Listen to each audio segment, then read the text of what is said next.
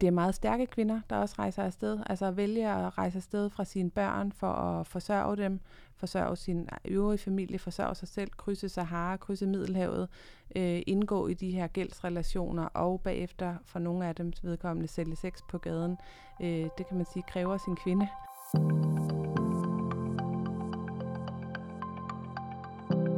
Det er blevet sværere at migrere til Europa. Vi bygger hegn, vi laver oplysningskampagner med plakater og film i forskellige lande i Vestafrika for at advare om, hvor farligt det er at rejse i gummibåd over Middelhavet eller krydse Sahara-ørken til fods. Man risikerer at dø, og som kvinde risikerer man at blive voldtaget, udnyttet seksuelt eller være tvunget til at sælge sex. Men selvom det er nærmest umuligt at komme ind i Europa, og selvom folk er advaret om farerne, er der stadig mennesker, der forsøger at migrere til Europa. Signe Plambæk, du er seniorforsker her på DIS, og du er dagens gæst i podcasten her Verden til Forskel. Velkommen. Tak. Sammen med Maria Chiara Cherio og Achlem Chemlali har du interviewet en række kvinder, som er migreret fra Vestafrika, for at få indblik i deres erfaringer, oplevelser og bevæggrunde, særligt i forhold til aspekter som seksualitet, trafficking, sexsalg, graviditet, abort og voldtægt. Sine i første omgang, altså når det nu er så farligt, hvorfor tager de så afsted alligevel? Det er primært for at tjene penge, finde et arbejde, øh, eller for at komme i sikkerhed. Det kan også være en kombination øh, af de to ting. Men behovet for at opnå sikkerhed eller tjene penge er større end de risici, vurderer de som er, er større end de risici, som er ved at tage rejsen eller også blive hjemme. Så uanset hvor umuligt det er at få lovlig ophold i EU, og uanset hvor svært det er at klare sig, så er der altså stadig nogen, der vil migrere. Dagens udgave af Verden til Forskel handler om kvindelige migranter fra Vestafrika. Mit navn er Marie Barse, og jeg er journalist og kommunikationsmedarbejder hos DIS. Og Sine Plambæk, i din nye rapport Women on the Move, der har I fokuseret på nogle af de aspekter af migration, som er særlige for kvinder. Hvorfor er det interessant at fokusere på det? Det er fordi, at det er noget, der har spillet en rolle i, i mange år, har jeg kunne se i min egen og andres forskning, at øh, kvinders særlige behov, når de migrerer, tit er blevet overset. Øh, så selvom det er vigtigt at kigge både på mænd og kvinder øh, hver for sig, så øh, var det en interesse i at se præcis, hvordan at nogle af de her meget, øh, vi kan kalde dem intime eller sådan kropslige ting, som gør sig gældende for særligt kvinder, øh, måske kunne være styrende for deres øh, migration og deres, øh, deres situation. Og hvad, hvad er det særlige for kvinder? Jamen altså, selvom mænd og kvinder øh, kan migrere af de samme årsager, for eksempel arbejdsløshed eller at der er krig og konflikt, øh, så er det ofte, at øh, kvinder, for eksempel i vores studier, men også i andre studier, øh, vælger at rejse afsted, øh, efter de har fået børn, og de er altså som enlige mødre, så de har ikke en anden forsørger. Så de migrerer som en del af et forsørgerprojekt. Det gør mænd også, øh, men de kvinder, vi har fulgt, er enlige mødre, øh, og der møder man ikke på samme måde enlige fædre. Så det er sådan i første omgang både det at at rejse, altså det at overhovedet at tage afsted. Øh, og så er der så det på ruterne, hvor kvinder kan være mere udsatte for øh, seksuelle overgreb og voldtægt. Øh, det er ret tydeligt ud af de her 51 kvinder, som vi har øh, interviewet, at øh, de faktisk alle sammen har været udsat for øh, forskellige former for seksuelle overgreb. Øh, det kan mænd også godt blive udsat for på ruten, men det er meget, øh, meget højere procent for kvinder.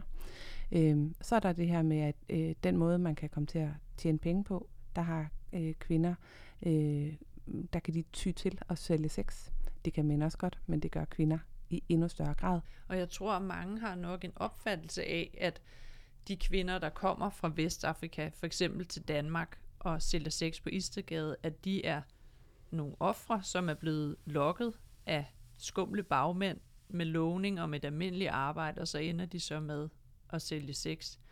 Hvordan passer den opfattelse egentlig på de kvinder, I har mødt? Altså, der er ikke nogen af de kvinder, som vi har interviewet, øh, der er blevet tvunget til at rejse fra deres hjemland. Det er nogen, der selv øh, har opsøgt en mulighed for at komme til Europa, fordi de kendte nogen, øh, eller havde hørt om nogen, der kunne hjælpe dem afsted. Øh, og de har også frivilligt sat sig i gæld for at betale for, for ruten. Øhm, så selvom det på en måde ikke er, det er ikke nyt inden for forskningen, øh, at kvinderne ikke direkte er tvunget med en pistol for panden fra landsbyerne, øh, eller fra de områder, hvor de kommer fra, så, øh, så har vi hvad kan man sige, igen mulighed for at vise, at, øh, at det er en meget mere... Øh, at det er meget stærke kvinder, der også rejser afsted. Altså vælger at rejse afsted fra sine børn for at forsørge dem, forsørge sin øvrige familie, forsørge sig selv, krydse Sahara, krydse Middelhavet, øh, indgå i de her gældsrelationer og bagefter for nogle af dem vedkommende sælge sex på gaden. Øh, det kan man sige kræver sin kvinde. Og hvis vi kun ser dem som nogen, der er tvunget mod deres vilje, så kommer vi ikke til at forstå de dynamikker øh, bagved, og også hvorfor det er så svært at hjælpe dem.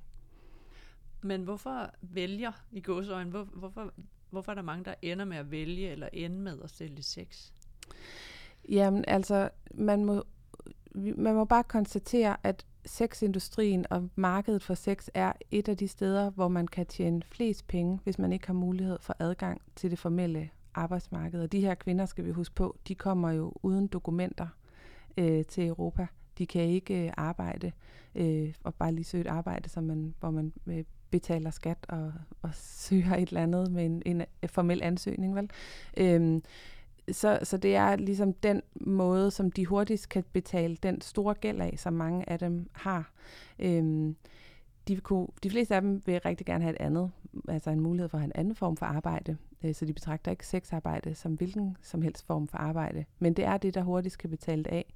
Hvis vi bare sammenligner priserne, øh, som jeg har gjort i tidligere forskningsprojekt, der kan man se, at de får 3 dollars øh, per seksuelle ydelse, hvis de er i Nigeria.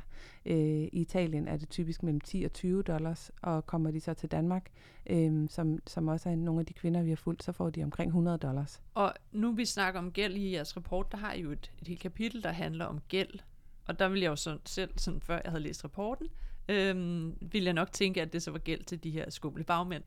Men hvor kan den her gæld, hvor kommer den egentlig fra? Jamen altså, det er ret tydeligt at se, at der selvfølgelig er den her gæld til, til dem, du så kalder bagmænd. Øhm, vi bruger nogle andre ord, fordi det tit er, at de betragter dem som nogen, der også har hjulpet dem til Europa. Så bagmænd er sådan en, en vanskelig kategori det kan man læse om i rapporten. Hvad øh. vil man kan, altså hvad, hvad, hvordan ser de dem selv? Dem, som jeg tænker bagmænd, eller menneskesmuglere, som vi også hører meget Ja, nej, de ser debatten. altså, i, for eksempel de nigerianske kvinder kalder dem for madams. Øh, det er typisk kvinder, øh, så alene af den grund er det mere bagkvinder. Øh, og så er det tit den her sådan dobbeltrolle af, at det er både nogen, der kan udnytte dem, og det betragter de dem helt sikkert også som, men også nogen, der har gjort deres migration mulig. Så den her bag kvindefigur, madame-figuren, er sådan, har flere aspekter. Øhm, så de kan have gæld til dem, fordi ja. det er dem, der har hjulpet dem. Øh, men noget af det, der er ret tydeligt at se, er, at de kan for eksempel også have gæld, gammel gæld. Øh, altså at de vælger at migrere, ikke kun på grund af arbejdsløshed, men også fordi de skylder penge i deres øh, hjemmeområde. Øh, de har måske forsøgt at bygge et hus, eller bygge en business op, eller øh, fået betalt for en fars hospitalsophold, så de har ligesom gammel gæld. Og så bliver de nødt til at øh, etablere en ny gæld, altså migrationsgæld, for at, at komme til Europa. Øh, og så har øh, Ahlam også interviewet kvinder, som endte med at have gæld til den tunesiske stat, fordi at de havde opholdt sig for længe i Tunesien, og, øh, og dermed havde fået et, øh, altså en bøde for at opholde sig. Så de endte med faktisk at være det, vi i rapporten kalder traffic by the state. Øh, at de altså var, at det simpelthen stat, altså man betaler, hvis man er der? Ja, øh, altså en bøde. Man ender med at skulle betale, ja, dagbøder skal man ja. betale øh, for at, at opholde sig der. Øh, så vi kiggede på ligesom forestillingerne om, at gæld netop altid er noget, der sådan er til de her øh, citationstegn onde bagmænd, øh, hvor, hvor er gælden så også? Og, og så prøver at... Øh, have fokus på gæld, fordi det tit er en meget overset øh, aspekt af både mænd og kvinders migration. Det er sådan om gæld, det må folk ligesom selv sørge for. Det er også tørt, og det er kedeligt at beskæftige sig med gæld, og gæld har vi vel alle sammen. Øh, eller mange mennesker i hvert fald har jo gæld. Øh, men, øh, men at ligesom se på, hvordan det hænger sammen med migration, og hvordan det præcis hænger sammen med kvinders migration, det var det, der var interessant og vigtigt at kigge på, fordi det bliver ved med at være en af grundene til, at de bliver ved med at migrere. Og en af grundene til, at de bliver ved med at komme i udnyttende situationer, er faktisk mere gælden, end at det er øh, altså kriminelle øh, netværk. Det er den her gæld, der ligger et voldsomt pres på dem.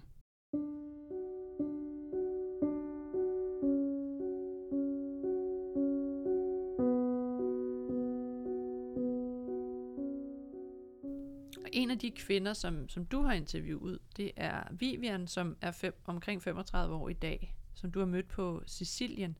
Hvorfor er hun migreret fra Nigeria? Jamen det gjorde hun primært øh, for at forsørge sine to børn. Hun var øh, gået fra sin mand, som havde øh, slået hende, øh, og så boede hun alene med sin mor og sine to børn, og hun kunne ikke finde noget arbejde. Øh, hun skulle tage sig af de her børn. Øh, svigerfamilien hjalp ikke. Hendes gamle mor kunne heller ikke hjælpe. Der var ligesom kun hende til at finde ud af, og, hvordan hun skulle forsørge dem. Så hun valgte at tage afsted i den her kombination af, at hun både manglede penge, øh, og at hun øh, øh, var udsat for, for hustruvold, og ligesom blev nødt til at, at gå fra ham og lade sig skille. Og det er også noget af det, vi har set. Øh, det er derfor, hun er et, et godt eksempel at tale om, at, den, at det her med, at det kun handler øh, om arbejdsløshed for mange kvinder, øh, er det faktisk også, at de allerede inden de rejste har været udsat for forskellige former for kønnet øh, udnyttelse eller undertrykkelse, øh, og, og seksuel vold eller på anden måde, øh, så hustruvold. Og Vivian her, hun kom så til Libyen i første omgang, hvor hun faktisk endte med at være i fem år, fordi hun ikke havde råd til at betale for turen over Middelhavet. Og mens hun var i Libyen, der blev hun gravid flere gange. Hvorfor? Altså, hun har selv forklaret, at den primære grund var, at hun blev nødt til at have kærester.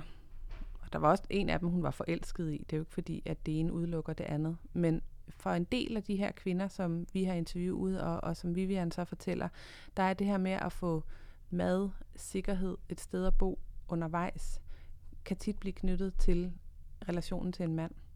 Øhm, og det var det for Vivian. Og, øh, og også altså en seksuel relation. Øhm, så hun blev gravid to gange, og det havde hun egentlig ikke øh, altså lyst til. Øhm, men som udokumenteret migrant i Libyen var det umuligt for hende at bare gå hen og få en abort. Ja, hvad gjorde øhm, hun så? Så øh, gjorde hun det selv.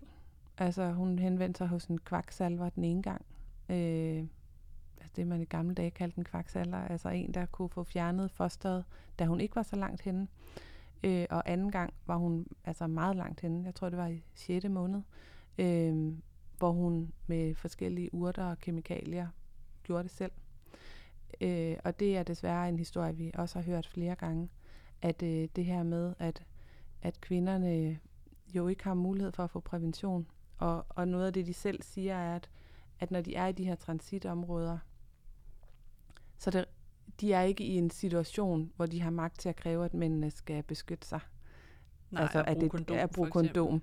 Øhm, så, de, øh, så vi ser rigtig mange graviditeter blandt kvinderne i transit, og virkelig farlige øh, øh, måder, de selv forsøger at få abort på. Ja, for Vivian, hun havde ikke så mulighed for at opsøge bare en almindelig sundhedsklinik og få en abort. Nej, det havde hun ikke. Øh, nogen kan være heldige, at man lige støder på et eller andet og sådan noget. Det er måske også noget af det, der har været interessant at se. Det er, hvor vilkårligt hjælpen til kvinder tit kan være. Det kan være, at du lige møder en sundhedsarbejder, en socialarbejder, en humanitær organisation, der lige er på rette sted på rette tidspunkt, og så kan det lige lade sig gøre at få en abort eller få noget prævention. Øh, men det var det ikke for hende, så hun måtte øh, gøre det selv.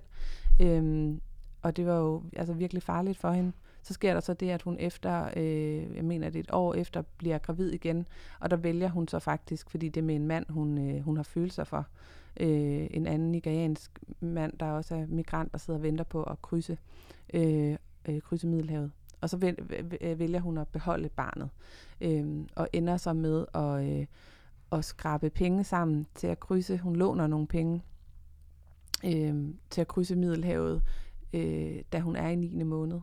Med baby. Øh, med baby i maven. Og, og, øhm, og beslutter sig for, at det vil være mere sikkert for babyen at krydse ind i maven, end at, at Eller babyen, hun har født. Og, efter og hun har født, ikke? Ja, så hun, ja, så hun vil hellere ligesom, hun mener, hun kan beskytte ham bedre ved at, at, at være i båden som gravid.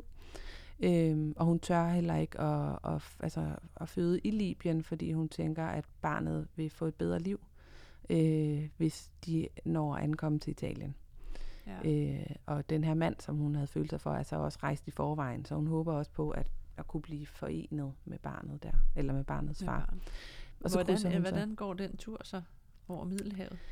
Jamen, hun, øh, hun forsøger at vælge øh, den mest sikre båd, øh, Øh, altså ud fra forskellige strategier om, hvem hun tror, der kan sejle båden over, og, øhm, og hvem hun oplever som sikker. Ikke? Så det er ikke bare det der desperate, vi tit får fortalt, at man slet ikke tænker sig om at bare hoppe ned i hvilken som helst båd. Hun prøver virkelig på at se, hvordan hun kan komme mest sikkert over. Alligevel ender de i en nødsituation, hvor båden er ved at kendre. Øhm, de er sådan en stor flok migranter, der sidder, og hun er den eneste, der er sådan højgravid. Og så kan hun høre, der kommer helikopter over sit hoved, øhm, som flyver væk igen og der kommer redningsskibe, andre skibe, der kommer tæt på, men som også sejler væk igen, og hun er helt altså, desperat af, af frygt, fordi hun kan godt regne ud, at hun ikke, hun kan ikke svømme. Jeg har prøvet at svømme med hende på Sicilien efterfølgende, hvor vi har talt om, hvor traumatisk et forhold hun har til havet nu. Øhm, det tror jeg altid, hun vil have. Men hun var meget angst der, fordi hun sad og var gravid og vidste, at så ville hun jo ikke kunne svømme. Øhm, og så kommer der endelig en, et, en båd øh, fra de italienske grænsevagter øh, og kommer og og samler dem op, og hun græder, og er selvfølgelig meget lettet for at være blevet reddet, og så seks dage efter, der føder hun sin lille søn i armene på en italiensk sygeplejerske. Og så har hun så været på øh, Sicilien siden da, hvor jeg så møder hende på et, øh, et flygtningecenter kun for kvinder.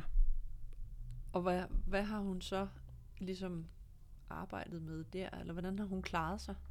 Jamen, så skulle hun jo så i gang med at, at forsørge øh, sit lille barn øh, og sig selv. Og der har hun så måttet øh, ty til ikke decideret sexarbejde, men til noget af det, vi også kan se gør sig gældende for mange af de kvinder, vi har interviewet, at det er ikke nødvendigvis den her ydelse, hvor du tager et kvarter og, og ligesom, hvad kan man sige, bare et, et knald, og så får de penge for det. Det er mere det her, sådan det man kan kalde, i forskning også kalde open-ended Øh, altså at det er sådan lidt utydelige grænser, sådan en gråzone for det, hvor hun for eksempel har øh, haft en relation til en mand, der så til gengæld har givet hende mad. Øhm, og de har været inde på et marked en dag, hvor jeg var med dem, der var på feltarbejde på Sicilien, hvor de så går ind øh, i, en, i sådan en butik, og, og hun siger sådan, du kan godt få en date med mig, hvis du betaler to kyllinger øh, og noget, nogle dåser tomat. Øh, så hun har sådan hele tiden skulle klare sig på den måde. Hun har også haft decideret sexarbejde, men det har faktisk mere været de her sådan lidt flydende grænser, hvor relationer til mænd igen var afhængige af at, at kunne forsørge sig selv og barnet. Øh, noget af det har også været, at for at få ophold i Italien, har hun skulle bevise, at hun var en god mor, der kunne forsørge sit barn. Men det er svært at få passet sit barn, samtidig med, at du går på arbejde. Så hun er blevet nødt til at gå på arbejde om natten øh, nogle Mens gange som sexarbejder.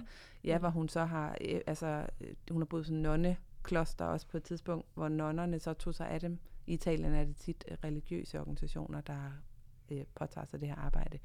Øh, men jeg oplevede også, mens jeg var på feltarbejde, hun spurgte, om jeg lige kunne passe hendes barn, fordi hun skulle på arbejde. Så det der med at være, og det er jo noget det, vi kigger på, det er, det er at være mor, moderskabet rolle for, for kvindelige migranter, og det der med at skulle både være forsørger, øh, øh, og, og skulle være mor og være udokumenteret migrant på samme tid, og være forfulgt af politiet også. Øh, det er mange roller på samme tid.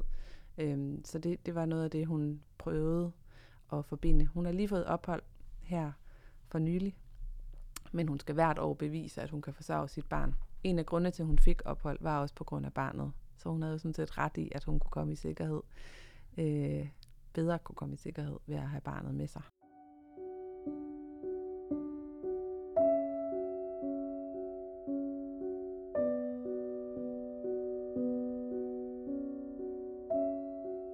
Talte om det her tidligere, der fortalte du om, at, at der måske kan være sådan lidt opfattelse om, at, at de her kvinder kan bruge børn eller bruge graviditet til at få lov at komme ind i EU. Øhm, hvor du fortalte, at det kan faktisk være svært at migrere uden at blive gravid. Hvordan kan du prøve at uddybe lidt om det? Ja, altså det er en af de diskussioner, der har været knyttet til kvindelige migranter, især kvindelige irregulære migranter, har været det, man nogen har kaldt altså passport babies, passbabyer, altså at de ligesom giver er, fungerer som en slags pas, hvor du får adgang Ja, til at det er krydse svært at grænser. sige smut hjem igen til Nigeria, hvis man står med en nyfødt. Ja, og vi har også nogle internationale, altså de fleste lande har nogle internationale forpligtelser over for barnet, øh, og børnekonventionen og sådan nogle forskellige ting, der ligesom gør sig gældende, ikke? så man må ikke bare øh, behandle børn på samme måde som voksne. Øh, og øh, der er også nogen, der har kaldt dem for anchor babies, altså ankerbabyer, hvor, som er sådan, hvor barnet bliver brugt som også en måde at slå Et anker anker i landet på. fast Ja. på Øhm, og, det, og det er jo sådan en, hvad kan man sige, en politisk stillingtagen til, og moralsk stillingtagen til, at kvinder udnytter deres graviditeter og deres babyer.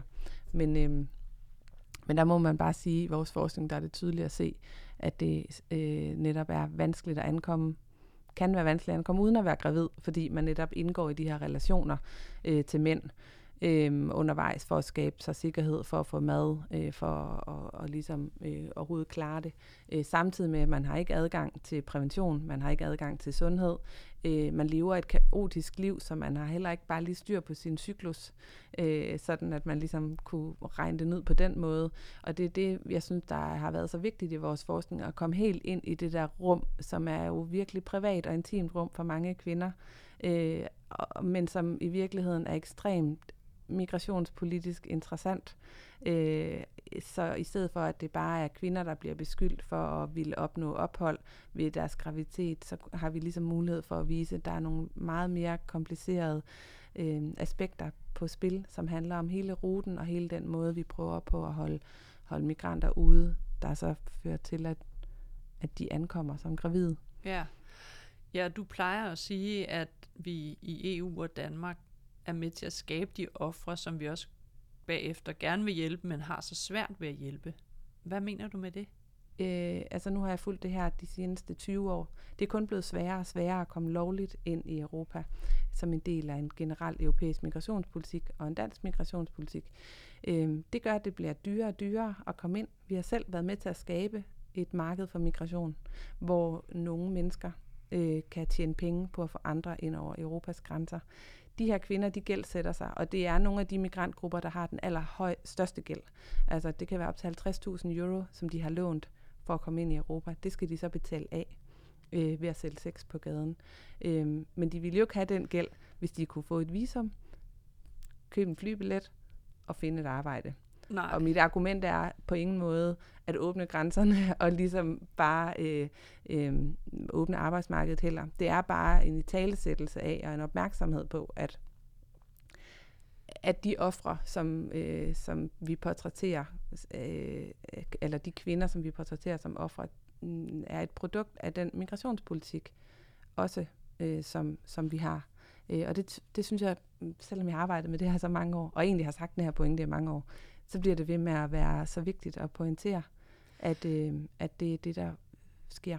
Ja, særligt hvis man, altså, man kan måske have den her idé om, at oplysningskampagner og det her med at advare og det der med at gøre det sværere at komme ind, det må jo, må jo være nok. Men i virkeligheden, det at man gør det og gør det så meget sværere at komme ind, gør at dem, der så ikke ser andre muligheder end, end at migrere, de har større risiko for at ende i den her lidt offerrolle, eller hvad man skulle kalde det, altså med, med meget høj gæld og, og ja, ingen mulighed for at komme ind på det, det almindelige arbejdsmarked, og derfor arbejde som sexarbejder. Ikke?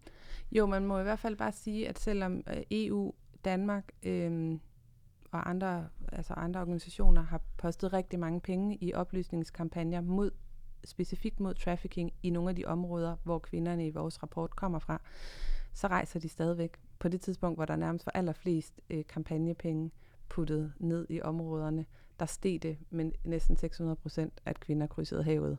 Så der er simpelthen ingen forbindelse mellem oplysningskampagner og så få folk til at blive hjemme.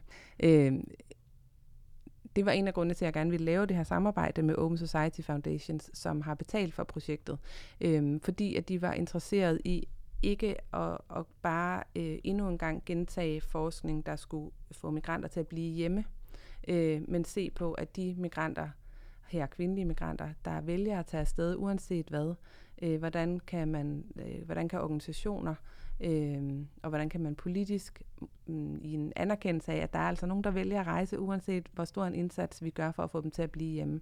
Øh, hvordan kan man give det, der hedder Øh, eller skabe det, der hedder Safe Migration, øhm, og som er noget af det, vi har kigget meget på i projektet, altså skadesreducerende arbejde, harm reduction. For dem, der alligevel vælger at tage afsted, har vi så ikke en humanitær forpligtelse, og hvordan kan det lade sig gøre, og passe på dem alligevel. Ja, og hvordan kan man så gøre det? Altså, hvad skal vi gøre for at hjælpe dem, der alligevel tager afsted?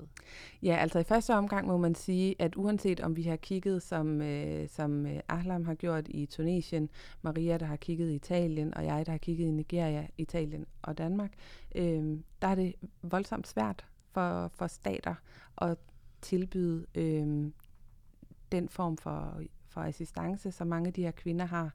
En af grundene til det er, at øh, de bliver betragtet som netop irregulære migranter. Så medmindre de har den her clear-cut handelshistorie, så bliver de ja, hvor i stedet, de handlet, eller hvor de handlet og traffic og tvunget mod deres vilje, øh, så bliver de i stedet betragtet som nogen, der hurtigst muligt skal deporteres, sendes hjem, øh, eller deres liv på anden måde skal blive så kompliceret, at de selv vælger at rejse. Øhm, så, så man, vi kan i hvert fald tydeligt sige, at det, det er svært, uanset om man kigger på et velfærdsland som Danmark, selvom der selvfølgelig er flere tilbud her, end der er i nogle af de andre lande, vi har kigget i. Men det er også svært i Nigeria, også svært i Tunesien. Øhm, så har vi så prøvet at kigge på, sådan, hvad er det så, når det så ikke er staten, der tilbyder det, fordi de ikke arbejder med den her kategori, eller ikke synes, de har mandat til det af, af irregulære migranter. Øhm, hvem er det så, der tilbyder det? Og det er så forskellige organisationer, øhm, og nogle gange er det nogle meget små organisationer. Det er ikke nødvendigvis øh, Røde Kors og Læger Uden Grænser, øh, som står der med hele apparaturet klar. Øh, det kan være meget små tilfældigheder, der gør, at en kvinde øh, får hjælp.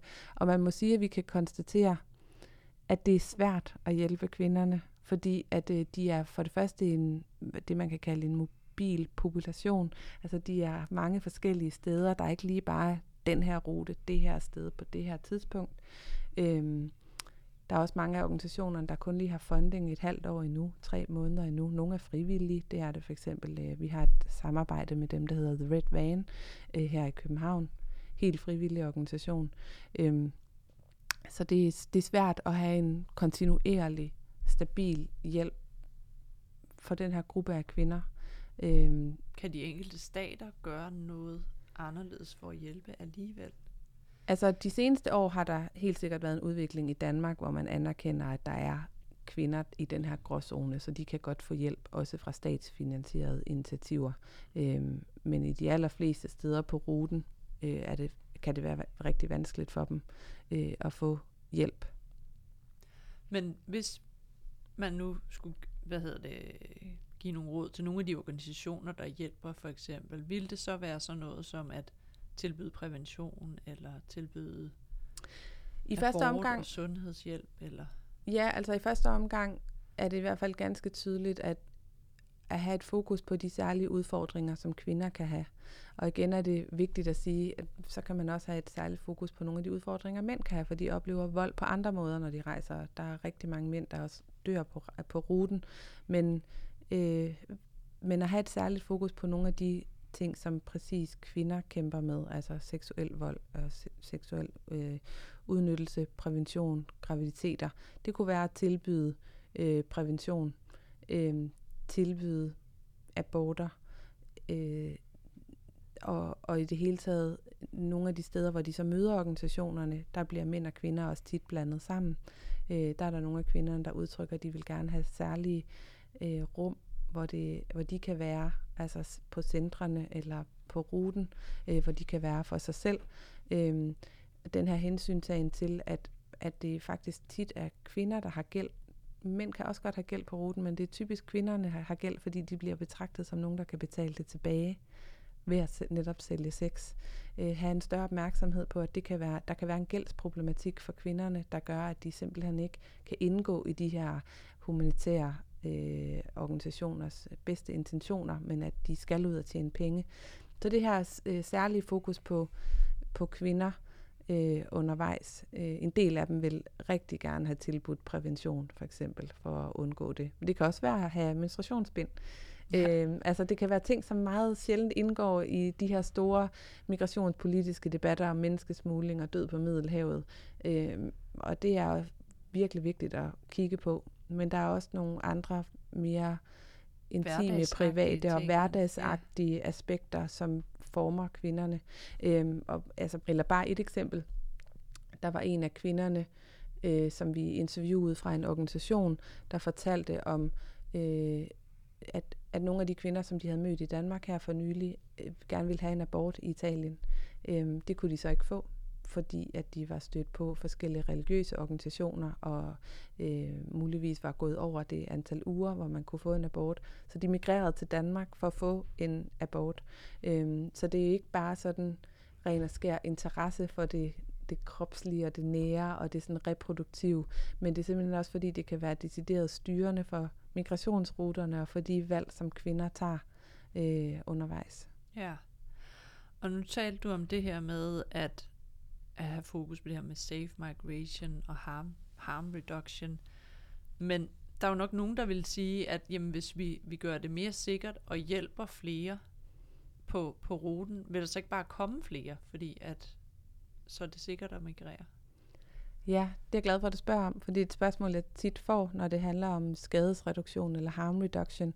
Øhm, om man må sige, at både forskning tidligere, men også det, vi kan vise i rapporten, det er, at det er ikke det, der får kvinder til at migrere. Altså, at de kan blive, at det kan være mere sikkert.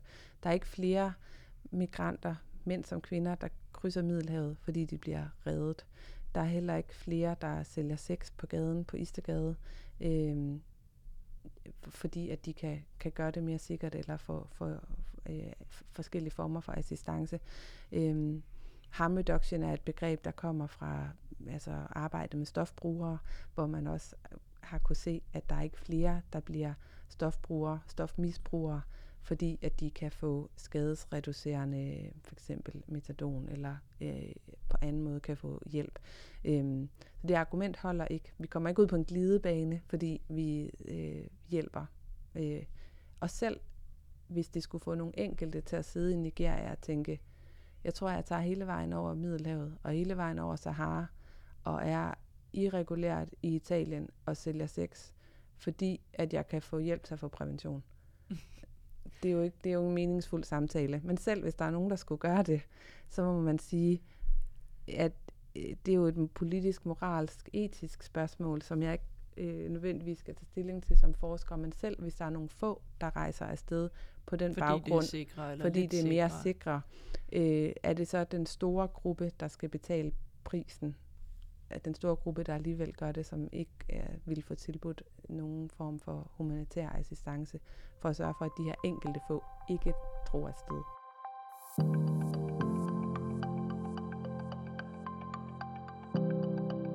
Ja, jeg tænker med de ord, der øh, synes jeg, at vi skal sige øh, tak til dig, Signe Plambæk, fordi du var med i dagens udgave af Verden til Forskel. Selv tak.